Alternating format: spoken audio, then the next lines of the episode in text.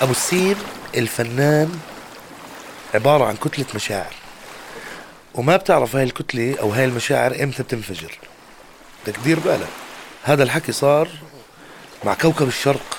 تسمع أم كلثوم؟ تتخيل إنه واحد زعل من أم كلثوم؟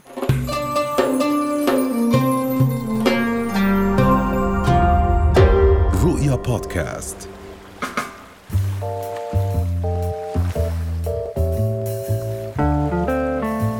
كان يا مكان أبو السين في قديم الزمان. كان في بنت صغيرة آه، اسمها أم كلثوم بإحدى قرى الصعيد منشدة عظيمة.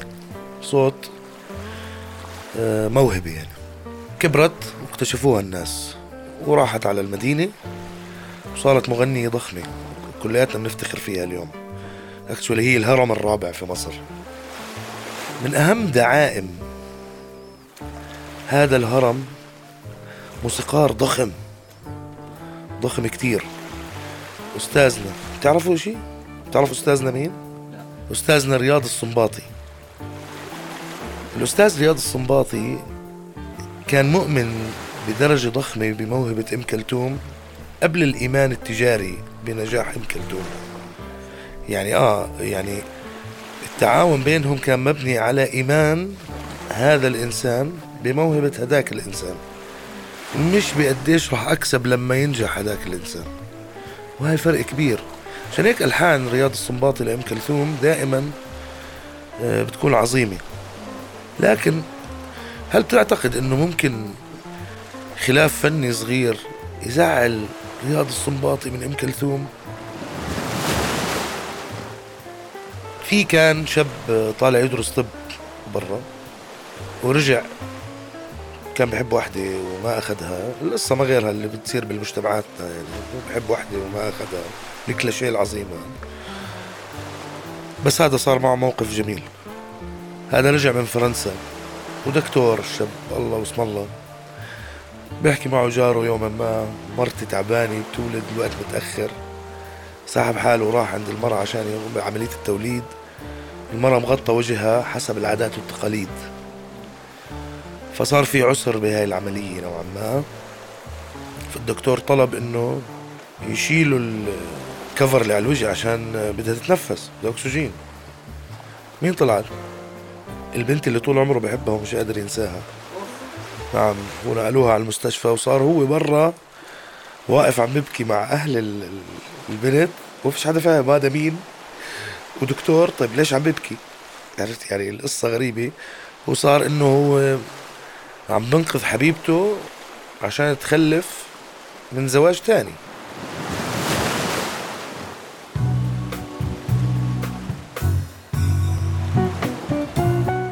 هلا هاي القصة أدت إلى كتابة أغنية أول ما ظهرت من إبداع الأستاذ رياض السنباطي فيها في التلحين كتب إنه هاي السيمفونية العربية الأولى تقريبا ليه؟ لأنه في المقطع الواحد يعني أنا حسب معرفتي المتواضعة تلاقي مقامين. يعني الزلمة حط كل إشي نفسه فيها. ولكن هاي الأغنية تلحنت بعد أصلا صلحة بين رياض السنباطي وأم كلثوم على غيرة من أم كلثوم إنه كتب أغنية لمغني تاني في ذاك الوقت. مع العلم إنه رياض السنباطي باع واحد من أهم تعاوناته عشان أم كلثوم على أغنية بلد المحبوب على بلد المحبوب والديني. كان كاتبها لشي حدا اسمه السروجي. وعاملينها بفيلم ومصور الزلمة بس عجبت إم كلثوم راحت غنتها وتنازل فيها الام كلثوم وطبعتها على أسطوانة. السروجي زعل من رياض الصنباط اللي عند ما الله أخذ أمانته اثنين ما اشتغلوش مع بعض عشان إم كلثوم. ورجعت هي زعلت منه عشان أعطى أغنية لمغني تاني. المهم اصطلحوا بالآخر سيبك من المد والجزر هذا بس هذا بأجج العواطف والاشتياق لاحظ؟ الدكتور اللي حكيت لك عنه اسمه إبراهيم ناجي. طبعا لحسن أو يا محاسن الصدف على أخوتنا المصريين. عيد ميلاده وعيد ميلاد ام كلثوم نفس اليوم. يعني. مولودين بنفس اليوم يعني مش عيد ميلادي وعيد ميلادك بس أنا أكبر منك 80 سنة. لا عيد ميلاده وعيد ميلاد بنفس اليوم. exactly عين عليك أبو سيم. سمع القصيدة لأم كلثوم. طبعا هو بعد ما تأثر بموقف الولادة والإشي اللي شافه وعرف إن حبيبته راح كتب قصيدة الأطلال. تمام؟ سمع القصيدة لأم كلثوم بطريقة ما عجبتها. كانت آه، مصطلحة مع الأستاذ رياض فكان هذا أول عمل بعد الصلحة. إنه تعال عجبتني قصيدة بدنا نلحنها ما بدنا نلحنها. قصيدة فيها طاقة آه، غريبة مان يعني لأنه الزلمة كاتبها عن موقف صار معه. فلحنها الأستاذ رياض بطريقة مرعبة صراحة يعني.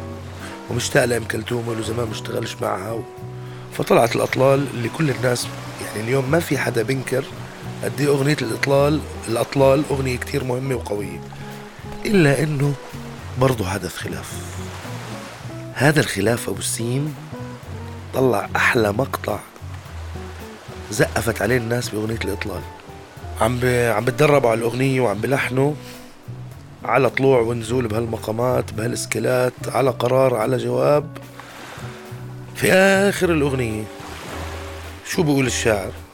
وإذا تلاقينا لقاء الغرباء وأنكر كل خل خله فلا تقل شئنا فإن الحظ شاء فإن الحظ شاء فإن الله شاء.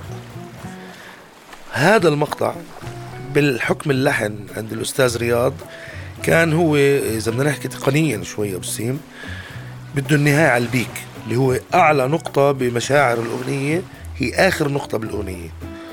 فهذا المقطع كان لازم الست إم كلثوم تغنيه بطريقه لا بعرفش طبعا أنا أعمله لأنه إذا إم كلثوم خف عقلها كيف إم كلثوم خف عقلها إم كلثوم حكت المقطع ده عالي يا رياض.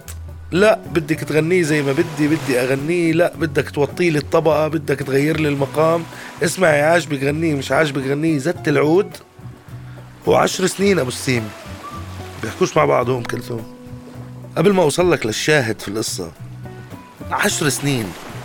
بس وين اللي أنا مبسوط عليه صراحة يعني مهم جدا إنه ام كلثوم حكمت عائلها وظلت توسط ناس بعد فترة طويلة يعني قبل العشر سنين بشوي لعند العشر سنين لعند ما اصطلحوا وغنت الأغنية زي ما بده الأستاذ رياض السنباطي تمام؟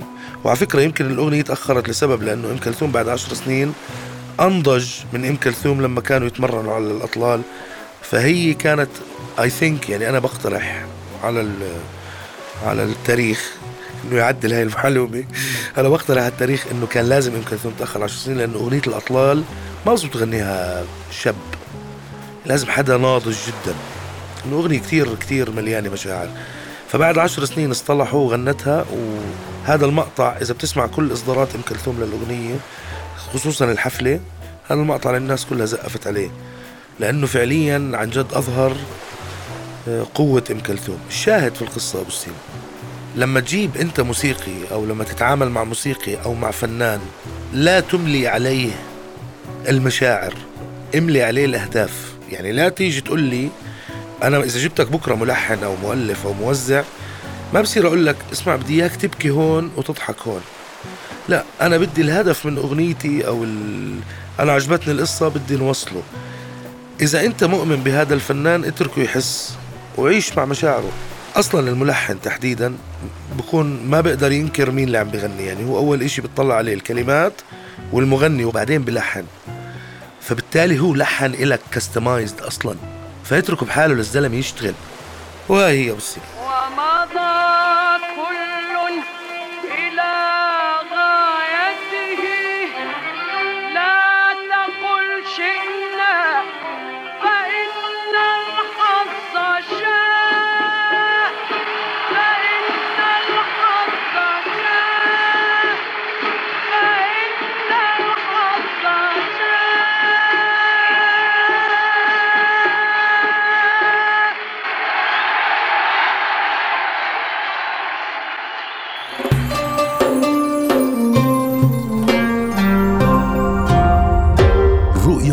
بودكاست